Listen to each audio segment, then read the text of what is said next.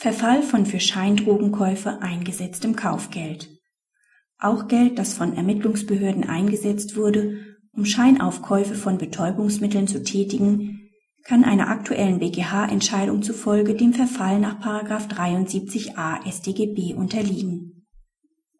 Verdeckt ermittelnde Polizeibeamte hatten sich als Scheinaufkäufer von Kokain betätigt. Im späteren Verfahren weigerte sich das Landgericht Gera für das dabei von den Ermittlern bezahlte Kaufgeld, das bei den Angeklagten nicht mehr aufgefunden werden konnte, den Verfall anzuordnen. Dieses Geld stelle kein erlangtes Etwas im Sinne von 73 StGB dar. 73a StGB knüpfe an die Voraussetzungen des Verfalls an, die hinsichtlich der zum Scheinkauf zur Verfügung gestellten Gelder nicht vorliegen, da die Angeklagten hieran aufgrund der Nichtigkeit des schuldrechtlichen und des dinglichen Erwerbsgeschäfts kein Eigentum hätten erwerben können.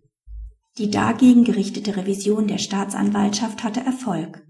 Der BGH schloss sich nicht der Auffassung des Landgerichts an.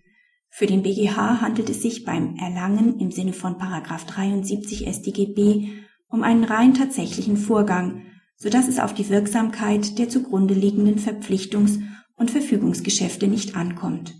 Entscheidend ist vielmehr allein, dass in irgendeiner Phase des Tatablaufs ein Gegenstand in die Verfügungsgewalt des Täters gelangt und ihm so unmittelbar wirtschaftlich messbar zugutekommt. Da die Angeklagten hier die Verfügungsgewalt über die von den Scheinaufkäufern bezahlten Gelder erlangten und dieses nicht sichergestellt worden waren, kam eine Verfallsanordnung in Betracht. Dies gilt hier auch, soweit bei einigen Angeklagten lediglich ein Durchgangserwerb stattgefunden hatte, weil sie das Geld unmittelbar nach Erhalt an einen Mitangeklagten abgegeben hatten. Denn ausschlaggebend ist für den Verfall allein, dass der Täter die tatsächliche, wenn auch nur vorübergehende Möglichkeit hatte, über das Erlangte zu verfügen. Praxishinweis. Die Entscheidung macht deutlich, wie weit die Verfallsvorschriften in der Praxis reichen können, weil sie eben nur auf die tatsächliche Erlangung der wirtschaftlichen Verfügungsmacht abstellen.